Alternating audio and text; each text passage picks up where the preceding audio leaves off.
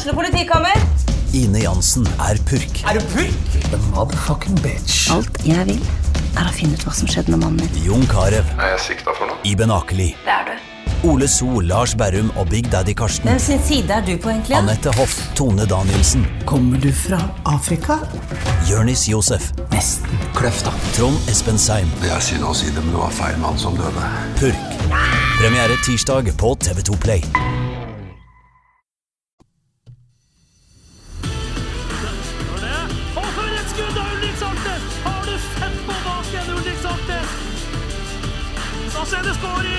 Så skårer Bodø-Glimt.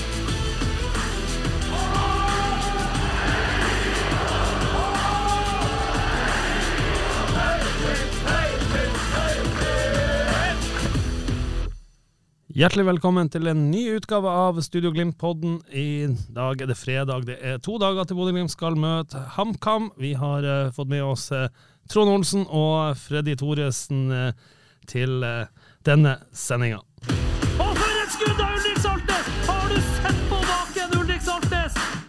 Ja, Freddy, vi skal gå rett på å snakke om det som skjedde på onsdag. Bodø-Glimt var ta turen til Trondheim og slo Ranheim ganske greit eh, 2-0. Hvordan opplevde du det? Nei, det vil jeg vel kalle en, eh, en kontrollert kamp. Uh, Syns Glimt var god, tok tak i kampen, lot nesten ikke Ranheim ha ballen de første 20 minuttene. og Flott skåring av Patrick Berg eh, etter at Hugo Vetlesen hadde skåra på straffe. og så ja, Ordet kontrollert ut, det var ikke noe sånn severdig. Jeg satt ikke og storkosa meg oppe i Bodø og så kampen på TV-skjerm. Jeg skulle ønska meg litt mer fyrverkeri offensivt, og sånt. Det ble kontrollert. Trond, det er vel litt som, eh, som han var inne på etter kampen, eh, job well done, som det har vært i de andre cupkampene. Ja, det er jo blitt det nye favorittordet ditt, så eh, Det er det. så. ja, eh, profesjonell jobb. Eh, kommer seg videre. Um, ok kamp. Eh, litt heldig, syns jeg, eh, i, i at de ikke får straffe imot eh, på på- på 0-0. Eh, og så går Glimt rett opp og, og får straffe som de svir, og så er den ja, går det et lite minutt, og så finner Patrick frem børsa og banker den i mål. Det er en fantastisk sekvens på to minutter. Eh, Odin Bjørtuft presterer og gjør det han gjør, og kanskje skulle Rane Mats straffe, kanskje er det ikke. Men situasjonen skjer jo, ikke sant. Dommeren blåser ikke, og så går Glimt opp i kontring og får straffe. Og så bommer de. Og så kommer det herfra. Jeg tenker på han Frenderup som redder straffe fra Hugo Vetlesen, og så lader Patrick Berg slegga fra 30 meter, og så går den i mål. Det er en fascinerende tominuttersperiode. Ja, det er, det er veldig fascinerende. Så, er det godt gjort av uh, Farris når han får straffa. Legger foten igjen og blir tatt. og Det er ingenting å si på den straffa, den, er- den er klar. Um, også personlig så syns jeg uansett hvilken vei det hadde gått, om det har vært i Glimt sin eller Ranheim sin favør, så syns jeg det er straffespark den, uh, den Ranheim ikke får. Um, og ja, uansett uh, hvilket lag som, som spiller i verden og du havner i den situasjonen, så, så mener jeg jo at det er et straffespark. Jeg jeg er faktisk enig, og så, og så hører jeg jo hva de sier om det, å gå via egen kroppsdel opp i handa, men jeg syns det er så lang avstand at jeg, jeg, jeg stusser på den. Og så setter du deg sjøl i den situasjonen, eh, med at du går ned og takler og har ei eh, arm oppe og ja. Der er Ikke sant? Dommer, vi ser det. Går den fra egen kropp og opp i handa, så, så er det veldig mange som sier Eller da er antageligvis regelen sånn at da skal det ikke være straffe. Men så er det det at vi kan jo legge til en ny regel. Hvis du er så knølete at du går ned og gjør det der, der så blir det så knølete at du fortjener å få straffe. Ja, men så er det jo, det, problemet er jo at det, det blir garantert en sånn situasjon i helga som det blåser straffe på.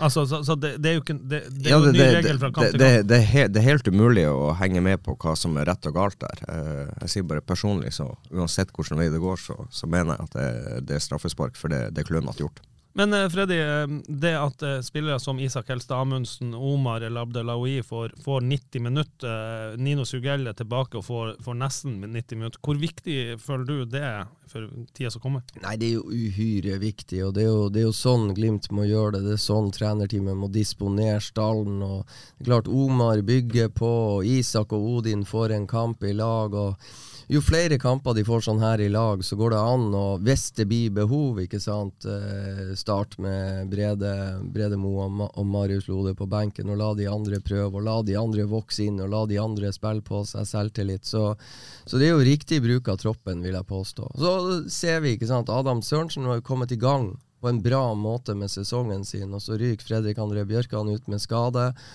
Og eh, Adam Sørensen leverte en ganske god forestilling på direkten eh, på Intility i serien. Så, så der har du på en måte måten Adam Sørensen går rett inn og overtar plassen til, til Fredrik André. Det er jo det du kan risikere når de andre får bli matcha på denne måten. Og Så. så, og så vet vi jo at historikken til, til både Brede og Lode tilsvarer jo ikke at de står hele sesongen eh, samtlige kamper. Så, så han er ekstremt viktig, den bredden du har i troppen. Og når du har mulighet til å rullere på laget for å, for, for, for å gi verdifull spilletid, så, så er det ekstremt viktig at uh, de guttene som, som skal ta over de plassene, får den. Det har vært litt artig nå de siste to kampene. Normalt så er det jo i Forsvaret man virkelig ikke vil bytte. Det er veldig sjelden man bytter egentlig i Forsvaret. I to siste kampene så har jo Glimt eh, På Intility så bytta de jo tre mann i forsvarsrekka underveis i kampen. De bytta tre mann i forsvarsrekka også inn nå mot, eh, mot Ranheim. Så man faktisk, i Forsvaret man har rullert eh, mye.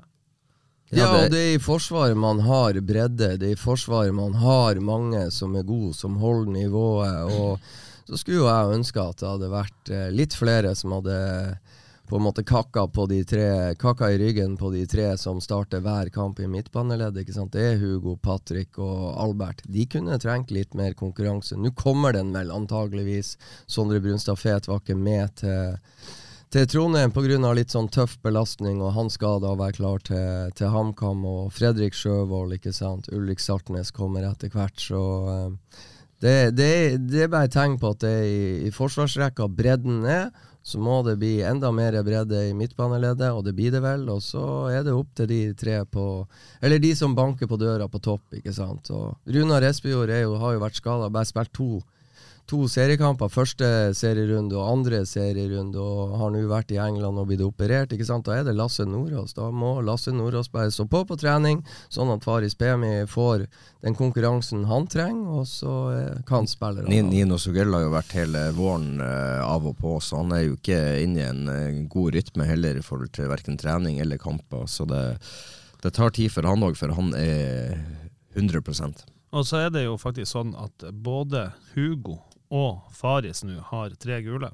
Så, så det gjør jo også at det er ekstremt viktig, som du sier, Freddy, å få folk klar rundt de òg.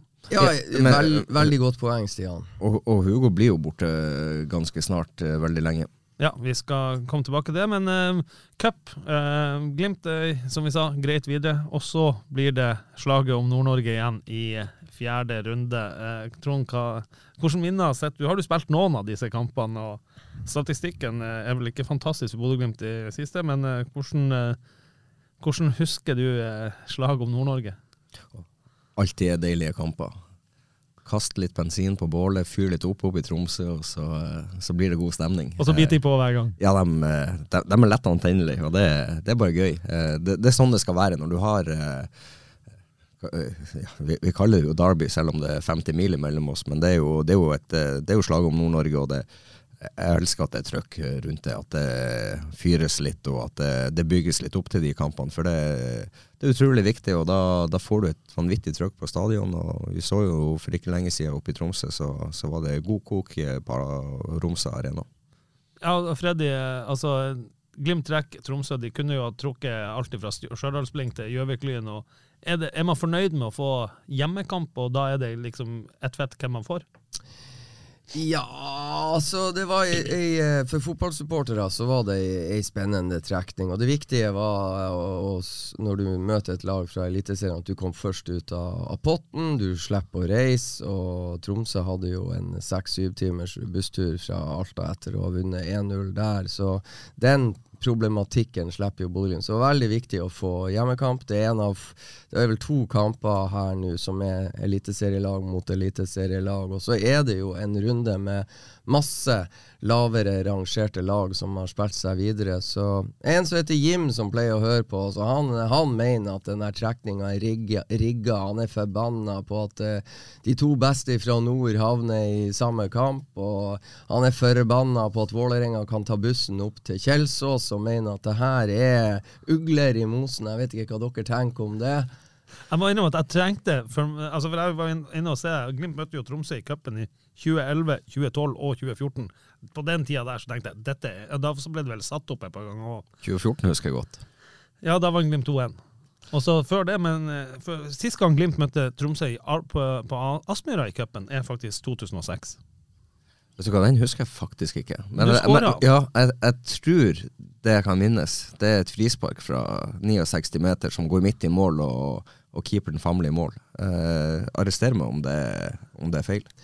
Nei, men altså Det jeg mener å huske fra 2006, er at eh, Glimt er i, eh, i Obos, eller i Adeccodassen, som det kanskje heter, og TIL er i Eliteserien, og det er 2-2 etter ordinær tid, og så er det noen hysteriske ekstraomganger.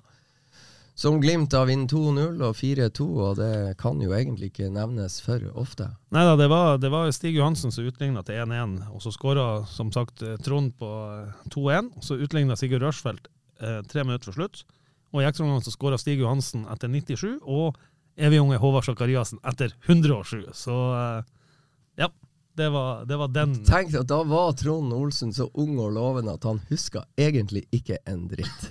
Tenk på det, Trond. Ja, det, det er lenge, lenge, siden, så. Bare for Nei, men, men, sånn to år seinere, den der eh, 2-0-seieren på, på Aspmyra mot TIL i Eliteserien, husker du noe den, fra det? Den husker jeg som det var i går, det, det frisparket der. Men uh, jeg, jeg, mener det var et frispark i 2006, uten at jeg uh, Ja. Husker, vi, får prøve å google. Men, men det husker jeg på gamle Alfheim, het det vel i 2014. Eh, da, had, da, vant vi på en litt sånn kontroversiell måte. Uh, Ulrik slår en ball, han spilte vel stopper, han slår en ball i bakrommet. Jeg tar han med på brøstet, og så avslutter jeg skyter i tverrliggeren. Og ballen går ned på, på strek. Eller jeg jubler jo som bare det. og Eh, det ender jo med at dommeren dømmer mål, og de er vel ikke helt enige om at den ballen var i mål der oppe enda. Men han var vel langt inne? var han Ja, ja. Bevares. Den var jo, altså, hvis du hadde hatt mål, mållinjeteknologi, så hadde du sett det for lenge siden. Jeg kjenner at akkurat i denne diskusjonen så bryr jeg meg ikke. Jeg konkluderer med at det ble mål, og det kjennes godt. Så jeg, bare, jeg husker ikke den, men du verden hvor godt humør jeg ble i nå. Og det er tidlig.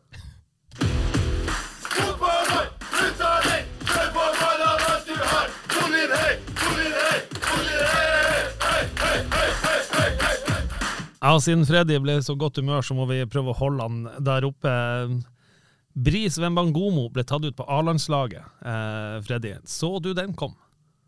Nei, jeg uh, så vel ikke den kom, men når jeg rekker å tenke meg om, så, så er jeg ikke så veldig overraska. Jeg syns Bris Wembangomo, hvis man begynner å se hva man har av høyrebacker Eh, og da tenker jeg norske høyrebacker rundt om i verden, eh, ikke bare i Eliteserien, så tror jeg at han må være noe av det En av de med mest X-faktor, ikke minst defensivt. Han, eh, han, er så rask, han er så sterk, han er så trygg defensivt at eh, eh, Og i tillegg, hvis du ser på noen av styrkene til Omar El Abdelaue det så vi én situasjon mot, uh, mot, Ranheim. Det kommer en innsvinger fra høyre, og måten Omar rydder opp Han er ikke svære karen, men timinga hans å få hedda unna ballen fra farlig sone på, på, bakre stolpe der Der vet jeg da at når Omar har de kvalitetene, så kommer Bris til å lære han å bli enda bedre. Men én mot én så er han forrykende, og jeg mener han er god nok for landslaget. Uh, Oma, nei, unnskyld, Bris så ikke det uttaket kom. Han ble, ble sjokkskadd da han gikk av flyet i Bodø, og det hagla inn meldinger. Eh, Trond, eh, hva du tenkte Nei, Jeg skjønner jo godt at han ikke så den komme, for det var jo en, en god overraskelse for, for alle oss. Og det er jo som Freddy er inne på, jeg syns jo han um, har veldig fin utvikling, og han er jo trygg og solid uh, defensiv og bidrar mye offensivt. Og så er jo det her han, Det som har vært akilleshælen hans, det er jo at han får noen hjerneblødninger og plutselig mister ball i ugunstige situasjoner, og det å få han luka det bort, så, så er han en meget, meget bra spiller. Så syns jeg han er blitt bedre på å luke bort de tingene Absolutt. fra høyresida. Det virker som han har mer oversikt, og det er jo ikke så rart uh, sett med fasit i, i hånda at han trivdes ikke veldig på, på venstrebacken i hele 2022. Så, så, vi må jo på en måte Jeg syns han var veldig god i veldig mange perioder. Han var venstrebacken til Bodø-Glimt, så jeg syns jo han løste det ofte veldig godt. Men det er klart at det er høyrebackene liker å være, og det høyrebackene vil være. og Vi blir jo på et vis kjent med en litt ny spiller eh, i løpet av denne sesongen, når han får spille i sin posisjon. Det gjør vi jo, og det så vi jo litt. Han, han hadde jo litt ut av de her feilene i de første kampene i, i, sesongen, og det blir bare mindre og mindre ut av dem. Så han tar, tar steg hele tida, og det, det, skal bli veldig interessant å følge han videre. Og så må jeg si, Det er jo ei solskinnshistorie så det synger etter med Bris. Han, han har spilt i stort sett alle divisjoner i Norge. Han har ikke vært ett minutt på noe aldersbestemt landslag. Uh, han har virkelig gått veien, og nå blir han tatt ut i A-landslagstroppen første gang. Ja, Helt fantastisk. Jeg så altså, I 2014 eller et eller annet sånt, så spilte han to kamper for Kvikk Halden 2 i fjerdedivisjon, og, og, og reisa derfra til nå. Og et kjempepoeng. Ingen aldersbestemte landskamper whatsoever opp gjennom tida. Så han er vel 26 nå, og ish der i lende. Kanskje er han 27, jeg tror han er 26. Jeg han googler, og så skal jeg prate veldig sakte. Men, men, det er jo kanskje det som er en av grunnene til at vi tror at uh, toget har uh, gått for uh, Bris i forhold til landslag. Hva du fant ut? Han er 26, han blir 27 i 18.12. Ikke sant. Så, så, det er vel det der som gjør at, at vi tror at nei, han, er, han, begynner å bli litt oppå årene, så det går ikke an å ta ut han. Men det viser jo er du god nok og jobber hardt og står på. Og på en måte konstant utvikling. Vi, Stian, vet jo Jeg syns han var kjempegod når han gikk til Jerv og, og eh, spilte høyreback der, og, og eh, det samme da Sandefjord. Han, han, var jo litt av og på med skader, men det var noen kamper han spilte mot Bodø-Glimt, og bare hadde det Det var kjemisk stengt på, på uh, venstresida til Glimt. Jeg må spørre, Trond, har du spilt mot han i noen av de opp gjennom årene? For Han kan ikke være veldig artig å spille mot som, eh, som venstreving? Jeg kan ikke huske at jeg har spilt mot han, så, så sikkert ikke. Jeg husker Før, eh, før Junkeren-kampen i cupen så snakka jeg med Ivar Unnhjem, og så sa han at det er bare én mann jeg håper ikke skal spille. Å? Nei, det er Bris. For det må være et mareritt. Det er altså Så rask og så god offensivt og defensivt. Det, og han sa vel at han hadde 200 i puls hele første omgangen, så Nei da, men, men, men altså det, det, er lov å bli god i, i, i, voksen alder, holdt jeg på å si. Og det, det er jo et kompliment til Bodø-Glimt òg, for det er jo, det jo stig, utviklinga til klubben og, og, og, alle der. Og kommer du til Bodø-Glimt og spiller og, og klarer å ta en ta en fast plass der, så, så, eh, så, får du vist det frem, og du får vist det frem fra en mye bedre side enn du får gjort i, i mange andre klubber. Så um, det er det er veldig behagelig å komme til Glimt og få lov til å være god der, for da får du vist deg frem for ganske mange flere. Og jeg er spent, sier han. Eh, Bris, ok, du er kommet i et landslagsuttak nå. Du får vise deg frem. Eh, Ståle Solbakken og de andre får bli enda bedre kjent med han. Og jeg blir ikke overraska hvis Bris var god med spille en av de her to kampene fra start for Norge.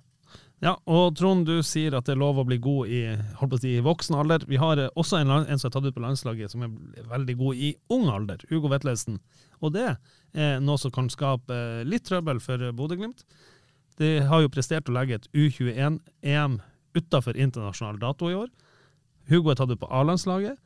Bodø-Glimt skal spille i den perioden eh, det er mesterskap, så skal Bodø-Glimt spille mot Godset. De skal spille mot Tromsø. Går Glimt eh, videre i cupen Nei, unnskyld. Eh, går Norge videre i EM, så skal de spille mot Molde. Bør Bodø-Glimt slippe Hugo Vetlesen til U21-EM, eller bør man tenke kun på sine egne interesser her eh, i forhold til å sikre seg både avansement i cup og luke videre i Eliteserien? Han bør spille U21-EM. Eh, for det første for, for, hans del og for den opplevelsen han får, eh, får lov til å være en del av med med det norske U21-landslaget. Det, det, er ikke hver dag du får muligheten til å spille et mesterskap. Eh, og ikke minst eh, for et utstillingsvindu det vil være fra Hugo sjøl. Eh, og det kan igjen være positivt for Glimt. Plutselig så gjør han et vanvittig bra mesterskap, og da kan det komme store klubber på, på banen og banke på døra og ønske hans tjenester. Da kan det bety ganske store summer i, i kassa for Glimt. Freddy, Freddy ser, du, ser, du, ser du noe skumle punkter i det her? Nei, altså jeg er like overraska som alle andre at det går an å legge et mesterskap uh, utafor internasjonal dato som gjør at Bodø-Glimt kommer i det her dilemmaet. Og Trond har helt rett, det er bare én løsning. Hvis Hugo Vetlesen vil spille det mesterskapet, så må han få lov til det. For her er jo det verste. Hvis Glimt skulle begynne å nekte, og Hugo har veldig lyst, da har du på en måte et problem og en utfordring i ei gruppe og en tropp som du ikke trenger. Og her er det altså internasjonal fotball som legger opp til at det skal bli sånn. Så det er bare ei løsning. Hugo, hvis han vil spille, så må han få lov til det. Trond har helt rett. Han kan øke verdien big time ved å spille bra, og det er oppside for Glimt. Og så må Glimt ha en god og sterk og trygg nok tropp som gjør at de har noen å putte inn og Hugo har jo vært sjuk i noen kamper tidligere i sesongen, og da hadde Glimt stand-in som kom inn, tok, gjorde jobben, og Glimt tok tre poeng. Og, og, jeg ser at et par andre lag eh, har vel fått eh, Er det Lillestrøm som har fått utsatt et par seriekamper? Eh, eh, Pga. at de kanskje har flere i troppen mm. som, som, skal spille dette mesterskapet. Så Molde mister Sivert Mannsverk. Eh, så, så det, er, det, er, vel sånn at hvis eh, Glimt ønsker, så kan de utsette kamper.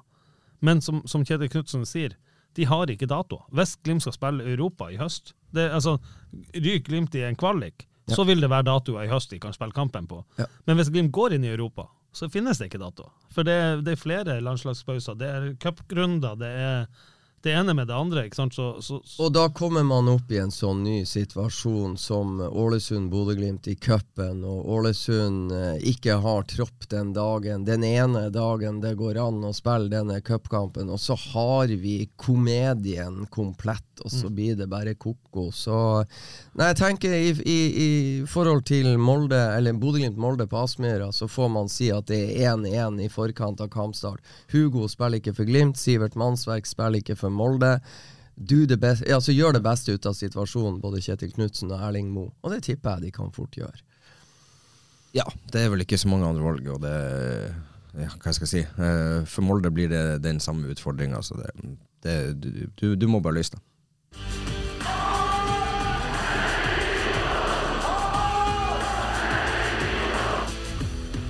Vi skal vende blikket litt eh, frem mot det som skal skje på søndag. Da kommer et av seriens eh, på papiret og på tabellen svakeste lag, HamKam, eh, til Bodø i fjor. Kom de hit Parkenhelga og ødela festen for veldig mange, så med å klare 2-2 på Aspmyra en periode Glimt faktisk var ganske bra. kan HamKam komme til Bodø og gjøre lørdagen i solskinnet, som det kanskje bank i bordet skal være i Bodø, kan de gjøre det, også den sur? Søndagen. Søndag, ja. Søndag, søndag. Nå, nå, nå, ble, nå, begynte jeg å lure på om jeg skulle på kamp på lørdag. Ja, og ikke hadde fått få med meg der. Nei, eh, ja, selvfølgelig kan de komme og gjøre søndagen sur. Det kan alle gjøre. Eh, og det er alltid opp til Glimt sjøl å, å, være på, på stasjon når, når, fløyta blåses i gang til kampstart. Eh, Glimt er så gode at de skal slå alle lag i Eliteserien hjemme, og det har de nesten gjort i år. Eh, Brann var her og og plaga dem litt. Eh, Glimt var sterk og kom tilbake. Eh, jeg tror ikke HamKam er i nærheten til å være god nok til å slå Glimt på nåværende tidspunkt. HamKam Freddy har rakna igjen, spesielt ut i, ut, i andreomgangene i en del kamper, senest på Lerkendal eh, forrige helg. Kan dette bli en sånn målfest som Glimt-supporterne drømmer om?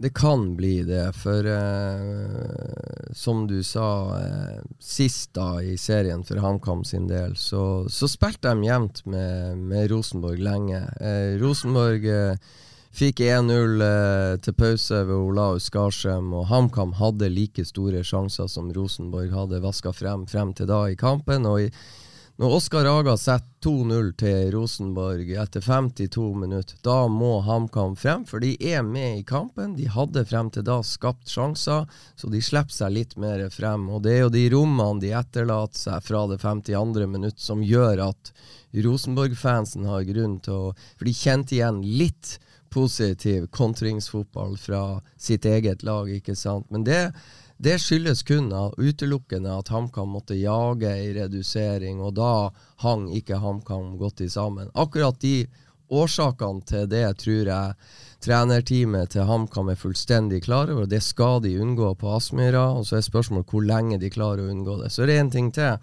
HamKam spilte jo en cupkamp nå på onsdag mot Bærum, og de måtte ut i ekstraomganger. Det var 1-1 etter ordinær tid, og så avgjorde de de siste 30. Så den kampen ble litt lengre, så vi får se da om beina er litt møre på Hamar-kameratene på vei nordover, så vi får se. Ja, og så tror jeg jo det at uh, når Glimt begynner å få tempo på kula her oppe, og, begynner å få orden på spillet sitt, så, så går det for fort for HamKam. Uh, jeg tror ikke de, de klarer å tok det Glimt på, på noen måte. Og så har jeg sett litt på det. De, de siste 15 oppgjørene så har Glimt vunnet åtte. De har hatt seks uavgjorte, og HamKam har vunnet én. Det er på de siste 15 kampene. Det er et lag Glimt har ganske god, eh, god eh, kontroll på, altså. I hvert fall de taper ikke, men det har vært en del Jeg husker med skrekk og gru en 16. mai-kamp på Hamar som endte 0-0. Eh, det var vel noe av det kjedeligste jeg noensinne har opplevd på en fotballbane. Så. Men, men, jeg fikk melding fra en fyr som sa at uh, i helga var det bare å spille minus fire, minus fem og minus seks på oddsen på Bodø-Glimt. Det er så lett, og så mye mål tror vi vel ikke det blir. Altså, største seier uh, i de siste 15 kampene, det var jo 6-1 i, i, 2007. Uh, det var vel i midten av august, om jeg ikke husker helt feil. Blir det samme vær og samme temperaturer som, som den dagen, så, så, er det bare å laste på.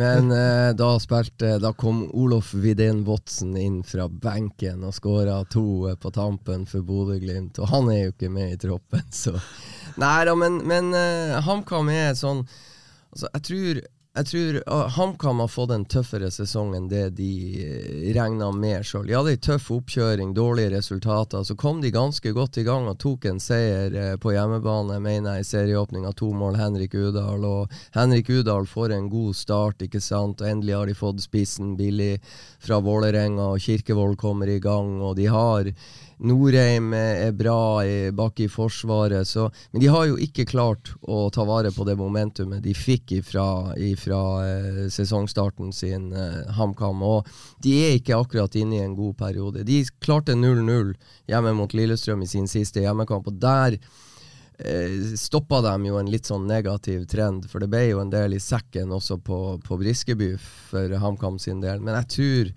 jeg hadde ikke trua på HamKam i fjor, når de kom opp til Aspmyra. De klarte 2-2. De utligna vel to ganger. Glimt leda 1-0, HamKam utligna. Glimt fikk 2-0, begge vel med Pellegrino. Og Kirkevold utligna, så Nei. Og, og bortekampen òg, for, for, Glimt sin del, på, på Hamar, så var øh plagdes Glimt lenge, helt til Amal kom inn og hadde et par eh, kunsttouch. og og to skåringer. Si bare, er det bare Amahl Pellegrino som skårer for HamKam? Hadde han fire? Mot HamKam. Ja. ja, nei, det Du tok meg Jeg var litt for rask, for jeg var på vei inn og skulle sjekke, sjekke statistikken her nå. Men, men, eh, borte var det jo ikke tvil om. da Heldigvis så er det spilt siste fotballkamp på den banen Glimt var på der i fjor. Var, den, den, tror jeg faktisk dere har bedre på Værøy, Trond. Uh, uh, men, uh, men, men der sleit Glimt veldig lenge. Ja, det, det, var, det lugga for, for, Glimt lenge, og det, det, er klart. Altså, det er en vanskelig, tørr og ekkel bane nede på Hamar, og heldigvis, som du sier, så, så blir den bytta ut.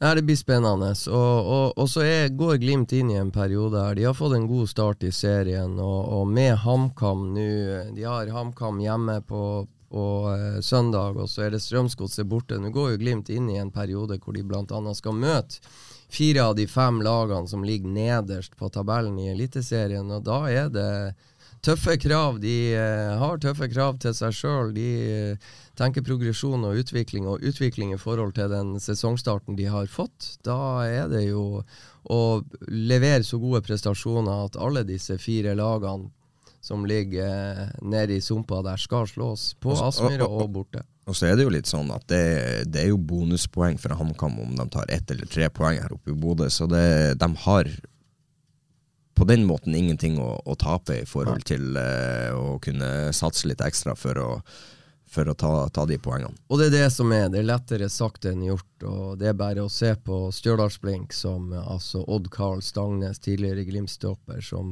tar imot Rosenborg hjemme og vinner. Det skal jo ikke være mulig, men i fotball er alt mulig. Det er det som er så fascinerende. Nå vet jeg jo at jeg har to ganske kyniske fotballspillere med meg i studio i dag apropos den diskusjonen vi hadde med Hugo Vetlesen. Kan han bare dempe denne diskusjonen og, og med, om å, å, få lov å reise på U21-mesterskap, eller ikke med å få gult kort mot HamKam? Da må han sone allikevel mot Strømsgodset. Og enda mer kynisk, burde han ta et gult kort? Hvis han allikevel skal reise? Det er jo faktisk et, eh, et veldig godt spørsmål. Eh, Hva hadde du gjort? Si det. Ja, Har du skåra og tatt av deg drakten? ja, kanskje det. Nei, jeg, ja, han kan jo faktisk være litt kynisk og ta det gule kortet der, for uh, da, da, må han ha to til før han må, må eventuelt sone. Så uh, ja. Det, det, det, det, er en tanke ikke jeg hadde tenkt før du, før du sier det nå. Du, du, du, tok meg litt på senga der. Um, jeg har et spørsmål til begge to. Hva tror dere José Mourinho hadde gjort hvis han hadde vært klar over dette som trener for, etter, for Bodø-Glimt? Hva, hva, hva hadde på en måte ordren vært? Du må ikke nevne det navnet. Da går, går jo alle som hører på, i flint. Ja. Nei, men, eh, men det, det, vet man jo hva Mourinho hadde gjort. For det har jo sett når han trente Real Madrid. Da fikk jo både Sergio Ramos og en til fikk jo beskjed om å få rødt kort. Bli, bli utvist, få ditt andre gule. Kom deg av banen. De sto jo hala jo tida til de ble utvist. Ja, huff. Nei, men uh, helt klart, han, uh, han bør uh, være kvikk i beina og aggressiv i taklingen. Og skårer han mål, så er det jo så er det bare fair. Men, men, men, men, men, hvor hysterisk artig blir det ikke hvis Glimt leder 4-0 og tre minutter på overtid så får han et gult kort for at han river ned noen? Ja. Akkurat det syns jeg ikke er så artig. Du må klare å gjøre det elegant og kamuflert. Men nå har jo han Stian avslørt planen. men nå skal jeg faktisk nevne en Jeg skal ikke navngi han, men det er en tidligere Glimt-spiller som eh, var russ, og da var på utlån i en annen klubb. Og dette er en av de snilleste spillerne som noensinne har vært i Bodø-Glimt. Fikk nesten aldri gule. Men av en eller annen grunn så hadde han klart å få to gule kort sånn tidlig i sesongen. Og så er det russetreff, og han tenker at ja ja, jeg må jo sone sikkert for tre gule uansett en gang, så kanskje jeg skal bare ta det nå. Og så skyter han bort ballen sånn Ifølge de som så kampen, så var det tre minutter etter dommeren hadde blåst. Altså det, sånn, altså det, gikk så lang tid at alle skjønte at det her skal jeg ha et gulkort. Problemet han gjorde etter tolv minutter av kampen. så han hadde, jo, han hadde jo 78 minutter igjen og måtte, måtte være kjempeforsiktig på midtbanen der. Ja, og det er der problemet Du skal være god i timing når du, når du har sånne småting i bakhodet. Og for et skudd av Ulrik Saltnes! Har du sett på baken, Ulrik Saltnes? Ja, Vi kommer ikke unna trenersnakk også denne gangen. Eh, Kjetil Knutsen han er jo fortsatt sterkt linka til Ajax. Nå har Celtic bytta manager. Da vet vi jo at Kjetil Knutsen nevnes i Celtic. Eh, Freddy, du, du, sa det før vi gikk på her, at uh, det kommer ikke til å være en eneste trenerjobb uh, med litt størrelse på som ikke Kjetil Knutsen både står på blokka på, eller kommer til å bli nevnt for. Ja, jeg syns det er utrolig fascinerende at vi er kommet dit. og Det er bare å se det begynner lista over klubber han har vært linka til, begynner å bli lang. Eh, og jeg tror han er på blokka reelt sett til en del klubber som ikke er nevnt enda, og eh, Nei, Det er fascinerende når trenere skifter jobb ute i den store fotball... I, jeg skulle til å si den store verden, men vi er ikke der. Vi kan holde oss til Europa. Så kommer navnet hans opp. Det er fascinerende. Hva sier Trond? Ja, det er jo det. Altså, det Man blir jo kontakta av uh, alt mulig i forhold til uh, hvordan han er som type og som trener, og hvordan han håndterer media. Og, ja, det, det, er ganske mange spørsmål man, man har fått det, det siste året om, uh, om Kjetil Knutsen som trener. og så er det jo litt sånn at det er jo ikke et one man show. Han har jo et veldig godt team rundt seg, og det er jo flere der som, som gjør han Kjetil god, og det skal han bytte klubb, uh, uh, så, så, er det viktig for han at han har et godt team rundt seg for at han skal lykkes. Er det sånn, Freddy, at vi som journalister vi, vi gjør egentlig en kjempetabbe med å spørre Kjetil hele veien om, hva han skal, eh, om han skal til Ajax eller om han skal hit eller dit? Burde vi spørre Morten Kalvenes? Ja, det syns jeg man burde gjøre. Og, og det, man kan på en måte spørre Kjetil. Eh, av og til må man jo konfrontere han. Men jeg tror at eh, og, og, det er blitt gjort i et par eh, uker nå. Jeg tror jeg tror en del journalister, og ikke minst Kjetil Knutsen, kommer til å bli uh, pisse lei av de tingene der. Uh, for jeg tror ikke siste spørsmål er stilt, og jeg tror ikke siste spekulasjon er gjort. Jeg tror ikke det stoppa med Celtic. Og jeg, jeg vet uh, at en klubb som Southampton, som har vært linka til før, de rykka ned. Han er reelt på deres blokk. Det, det betyr ikke at um, Southampton kommer til å ansette han, men de har ei, ei, en bolk med navn. De har fulgt Kjetil Knutsen i ett år, Southampton. Og det betyr som jeg sier, det betyr ikke at de kommer til å hente han, men det betyr at de finsikter han eh, som en av flere. og... Eh, det er neppe den eneste klubben. Så eh, nei, jeg tror eh, Og så er det sånn, sånne ting som det her. Det, hva skal han si? Altså, Han står og forhåndsprat med Kjetil Knutsen, og de skal møte Vålerenga. Han er jo ikke interessert i å snakke om spekulasjoner som han egentlig bryr seg midt i eh, ja, jo, men, men, men, greia er jo at det kommer til å være, og det kommer ja. til å være så lenge han leverer på det ja. viset han gjør i Bodø-Glimt, så kommer han til å være aktuell for større jobber. Og Det kommer til å være utenlandske medier som tar kontakt, og det kommer til å være norske journalister som spør om det. Det kommer til å være supportere som, som er nysgjerrig på hva som skjer, og, og, hva veien blir videre. Om man blir værende i Glimt, eller hva som skjer. Altså, det der det, det, må de bare håndtere. Og ja. klubber de kartlegger trenere på akkurat samme måte som klubbene eh, kartlegger spillere. Så er det aktuelle kandidater som kan komme inn som trenere, så leter de etter hvordan de er som personer, hvordan de håndterer media, hvordan de håndterer eh, enkeltindivider, øh, hvordan pedagogikk de har. Altså De leter på alle måter for å finne den treneren som passer den eh, spesifikke jobben. Og så er det jo vanskelig for disse utenlandske klubbene. For eh, det Kjetil Knutsen og Bodø-Glimt har bygd opp på Aspmyra, det er jo en miniatyrutgave. For å ta eksempelet Southampton. Så her har Kjetil ti stykk som han må jobbe tett med og samarbeide med og styre. Og, og, i det hele tatt, skal du til Southampton i England, så har han 50 stykker han skal samarbeide på. Det vet de jo ikke hvordan Kjetil Knutsen håndterer, uansett hvor mye research de gjør. Nei, det, det, er klart det. Og, og, så er det jo sånn, det er jo veldig vanskelig, sånn, som, vi, som du sier, vi må stille de spørsmålene til Kjetil. Det må alle andre medier gjøre også. Eh, og uansett, Kjetil kan ikke gjøre noe for å, for å dempe disse. Altså, hvis han går ut og sier at 'jeg blir i Bodø-Glimt no matter what', uansett hvem som kommer på banen, så blir jeg i Bodø-Glimt. Så blir det ledig jobb i Ajax om to uker igjen. Så blir jo de blir han jo nevnt. Så kommer spørsmålet. Så kommer spørsmålet ja. Uansett hva han sier. Men, men, men en ting vi kan slå fast, er at han kommer aldri til å komme til en klubb som Bodø-Glimt igjen.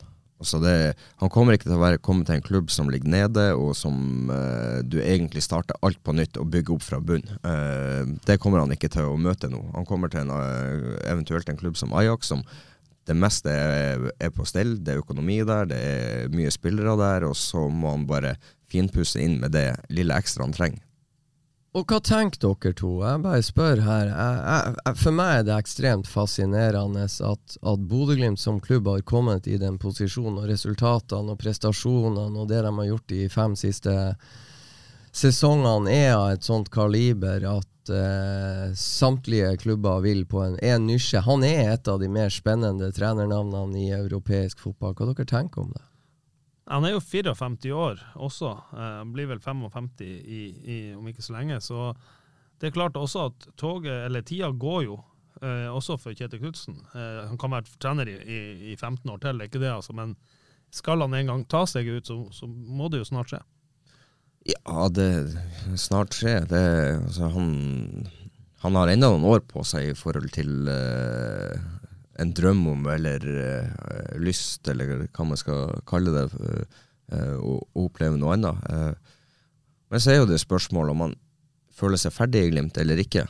Føler han enda at han mangler den siste prikken over i-en med å dra Glimt til Champions League? er det det som trigger han? Er det derfor han vil være her, for at han har en sterk drøm om å oppleve det? Er det er det, det som jeg tror, Hold han igjen. Ja, jeg tror at den der eh, Dinamo Zagreb i fjor, den tror jeg svei noe djevelsk, både for Kjetil og ganske mange andre i den klubben. For den følte, altså der følte Glimt at de hadde muligheten, og de hadde de på gaffelen.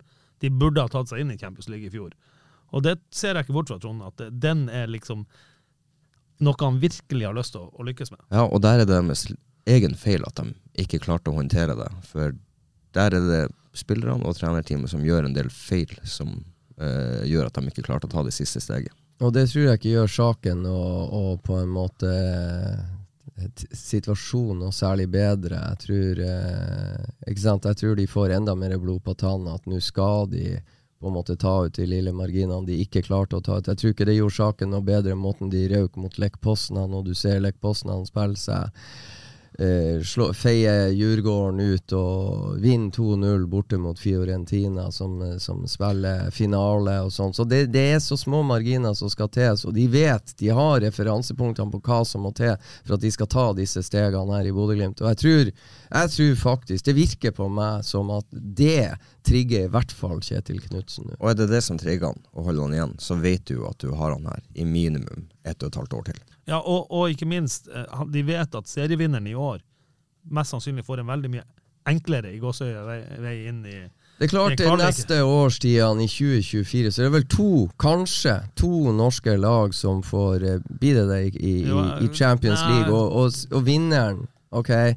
Men vinneren, seriemesteren, har, har Champions Path Mm. inn. Og, og Glimt har jo fått smak på den fordelen senest i fjor. Det Også- med å være i Champions Path. Så det er en, en utfordring til. Det skal jo legges om dette Champions League-formatet, og der har jeg ikke satt meg helt inn i at, om veien blir like lett som den er, like vanskelig som det er nå, eller hvordan det blir. Men eh, det får vi Vi skal sette oss inn i det. Vi skal vel ha en eh, pod om, Champions, eller om Europacup om ikke så altfor lenge. Ja, det blir spennende.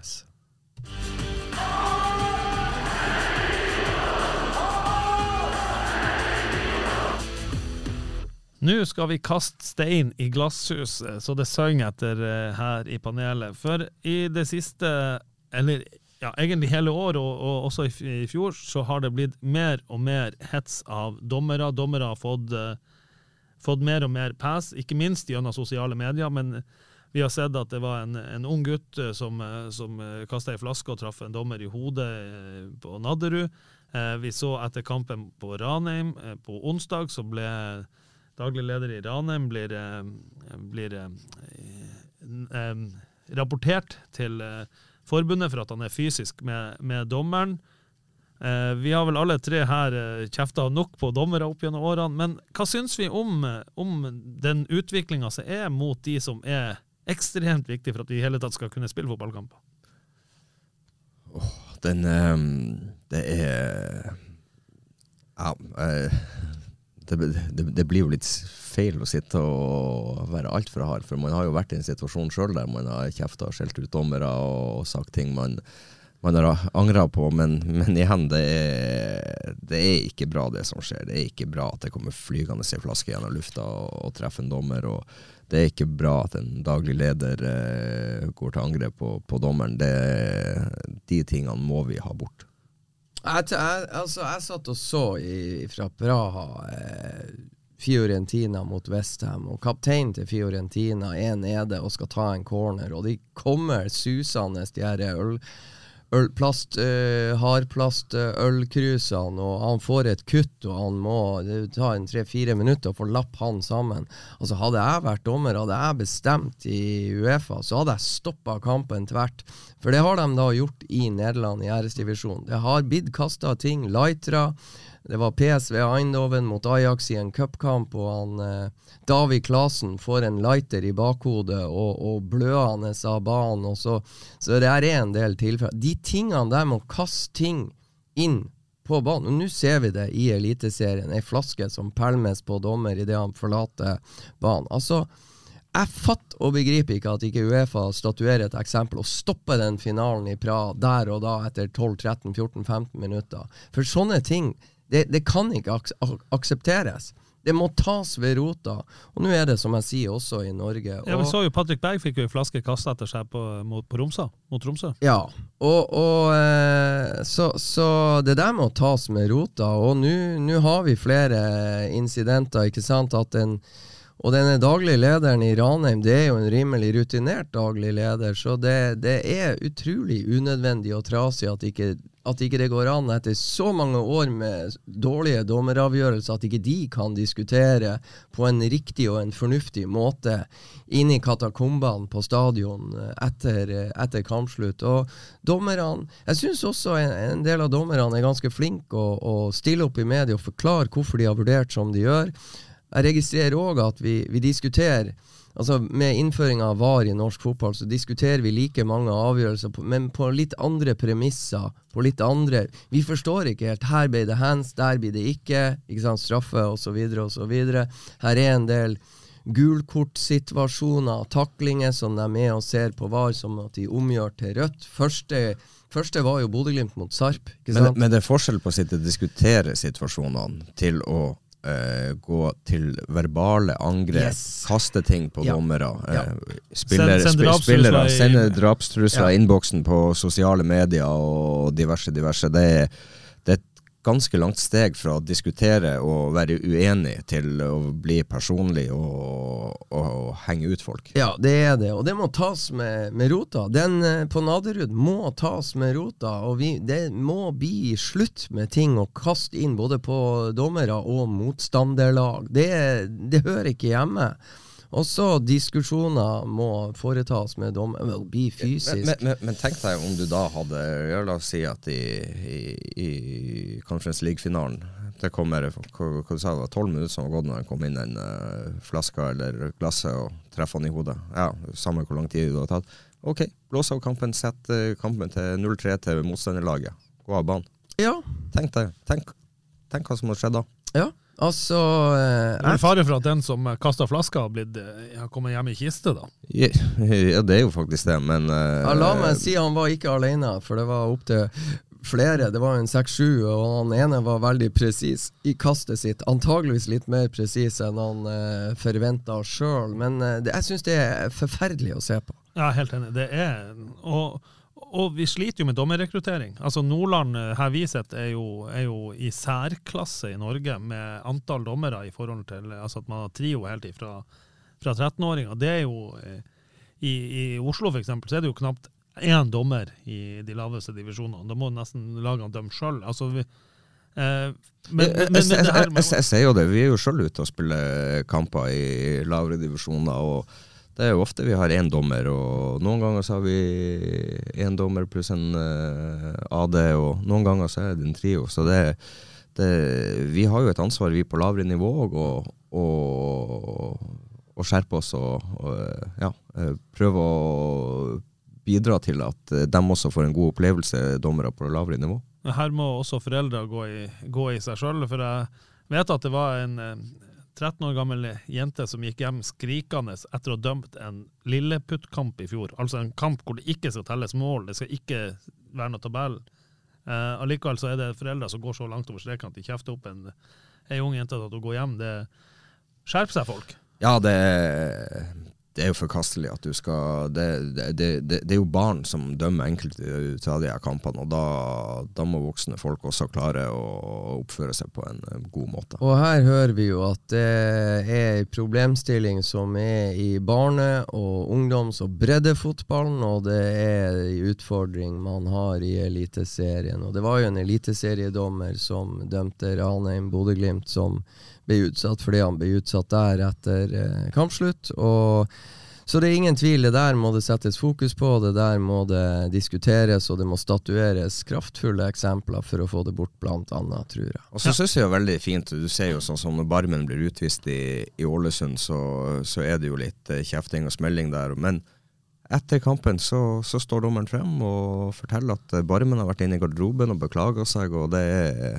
det er, å være voksen og gå og beklage seg når man har mista hodet. Helt klart, og det er fint av Barmen, men jeg synes, jeg kjøper forklaringa, for den så jo litt uforståelig ut at han får det andre gule sitt, men, men dommeren står og forklarer godt, her er i helhet nå. Uh, og vi må beskytte vi, Vår oppgave er å beskytte spillere, men vi må også beskytte oss. Og når du kommer så kraftfullt opp i ansiktet, selv om du ikke sier så mye, så må man statuere. Vi kan ikke finne oss i det sånn. For man ser, og han tar jo òg eksempler, vi ser uh, den type problemstilling både i Eliteserien og videre nedover. Så han hadde ikke noe valg, og det syns jeg Sivert Aksnes tror jeg det var som gjorde det, som forklarte godt hvorfor han gjorde som han gjorde. Jeg tror Kristoffer Barmen lærte, og det beviser han jo blant annet med å gå og beklage for oppførselen sin. Eh, og jeg tror ikke Barmen gjør det der eh, mer i år. Nei, og, og, vi ser jo at eh, vi har jo en unik situasjon i Norge hvor vi faktisk har dommere som stiller opp så å si etter hver eneste kamp og forklarer de, de, de situasjonene. Det er jo Du ser ikke en Premier League-dommer gå ut og fortelle hvorfor han har gjort det han har gjort, og, eller dømt som han har gjort. Uh, ofte, ofte dømmer de jo rett også i disse situasjonene. Og så, som du sier, Freddy, som, som dommeren på søndag sa, at uh, det er, ikke, det er jo ikke tvil om at det som skjer i lavere, lavere divisjoner, og ikke minst i ungdoms- og breddefotballen, de ser jo på hva, hvordan, ja. man, hvordan man oppfører seg i Eliteserien. Ja. Så ja. det er vel til slutt der en oppfordring til alle som skal til Saltdal på Miniputten, den legendariske turneringa der i helga. Der er det Jeg tror de hadde 28 nyutdanna dommere som skulle dømme denne turneringa. Vær snill med de. Ja, og pleier ikke det å være ganske hyggelig og fordragelig, eh, for å si det sånn, eh, på linja der. Eh, det har en jo vært og sett sjøl i mange, mange år. Det er utrolig koselig. Og der der er jo et eksempel på at det har i hvert fall vært mulig at alle er fornøyd. Da ser det skåring, og så skårer Bodø-Glimt! Nå aner jeg ikke hva jeg går til, for Trond har sagt at vi må avslutte hver eneste sending med Værøy-meldinga. Og hva i all verden er det? Nei, men Vi må vente litt før værøymeldinga, det er ekstremt viktig. Kan ikke jeg bare få si hva jeg syns? Jeg syns det var så, så fint å se noen videoer fra Intility når Bodø-Glimt har vunnet 3-1. Én ting er alle disse, den gule veggen eh, bak eh, bortefeltet med Glimt-supportere, men å se tidligere Glimt-helt helter som Erik Botheim og Vegard Leikvoll Moberg, som eh, ene spiller for Kongsvinger og han andre spiller for Salernitana, stå inne i Glimt-garderoben og feire tre poeng med den pumpa han opp. Jeg syns det er utrolig artig å se på.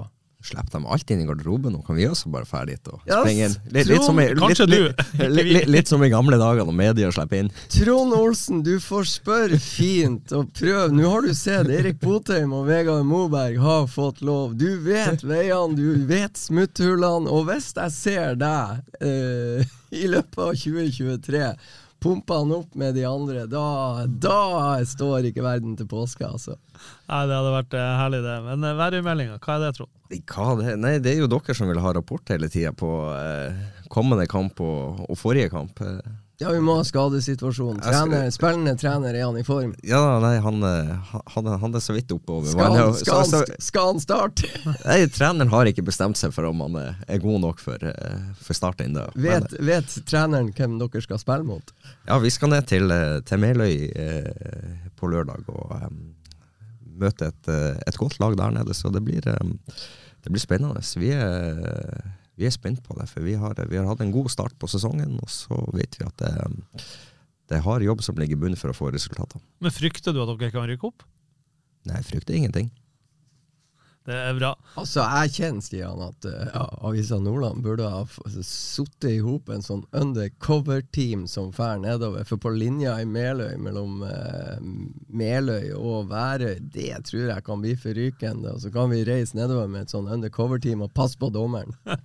det, vi får håpe at uh, vi, når vi møtes på mandag til ny podkast, at det er ikke dommeren som skal være i fokus, i hvert fall ikke på noe annet enn positive områder. Eh, vi er vel ganske fornøyd. Vi har holdt på i en liten time. Vi eh, gleder oss til kamp på søndag. Glimt store favoritter. Takk skal du ha for at du kom i studio, Trond Olsen. Takk skal du ha, Freddy Thoresen. Jeg heter Stian Høgland og sier på gjensyn. Og for et skudd av Ulrik Saltnes! Har du sett på baken, Ulrik Saltnes? Da ser det skåring, og så skårer Bodø-Glimt!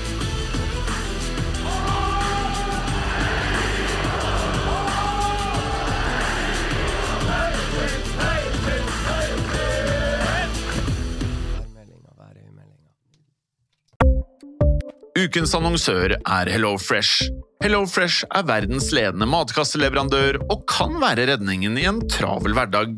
Mange av oss har nok vandret i butikken både sultne og uten en plan for middagen, som ender med at vi går for de samme kjedelige rettene gang på gang. Middag burde være dagens høydepunkt. Som Hello Fresh kan du nå velge mellom 25 ulike retter hver eneste uke, eller få Hello Fresh til å sette sammen menyen for deg. Dette gir deg muligheten til å prøve nye og spennende retter alene eller sammen med familien. Du velger antall porsjoner og får alt levert på døren på et tidspunkt som passer for deg.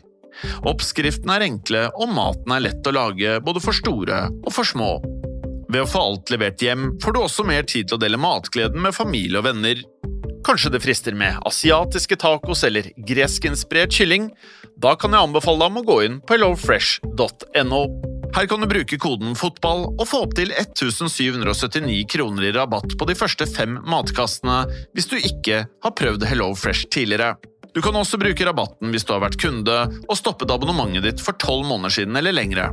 Gå inn på hellofresh.no og bruk koden FOTBALL. Har du et enkeltpersonforetak eller en liten bedrift? Da er du sikkert lei av å høre meg snakke om hvor enkelt det er med kvitteringer og bilag i fiken, så vi eh, gir oss her, vi. Fordi vi liker enkelt. Fiken superenkelt regnskap.